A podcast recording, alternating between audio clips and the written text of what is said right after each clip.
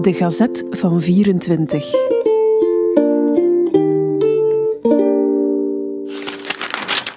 ...8 februari 1924.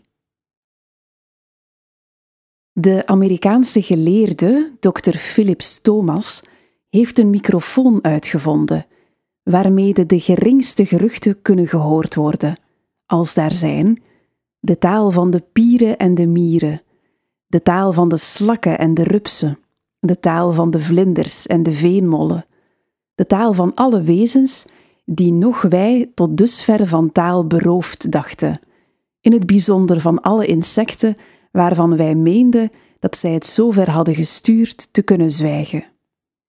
Die microfoon neemt dus alweer een van onze illusies weg. Wij zullen proberen er andere voor in de plaats te brengen, namelijk dat, vermits nu ook genoemde dieren spreken, zij niet al te veel kwaad zeggen over ons, en zij de mensen niet op hun beurt noemen zoals wij hen, slak, pier, rups of mol.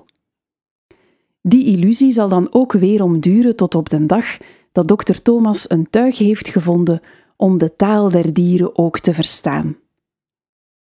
Zijn microfoon laat ons intussen verder toe de trillingen te vernemen van de menselijke hersenen als ze werken.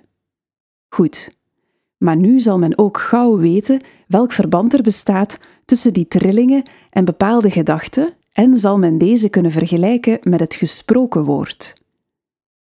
De microfoon zal een tuig worden om de menselijke waarheid te onderscheiden.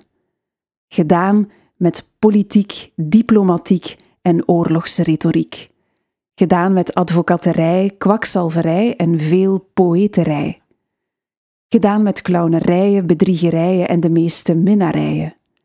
Alle zullen wij lopen het hoofd gemicrofoneerd, niet meer luisterend naar de woorden, maar naar het kraken der gedachten. Ik vrees dat als wij zo de echte wereld krijgen, deze er zeer lelijk zal uitzien. Zonder enige illusie dan nog over de mensen of de dieren.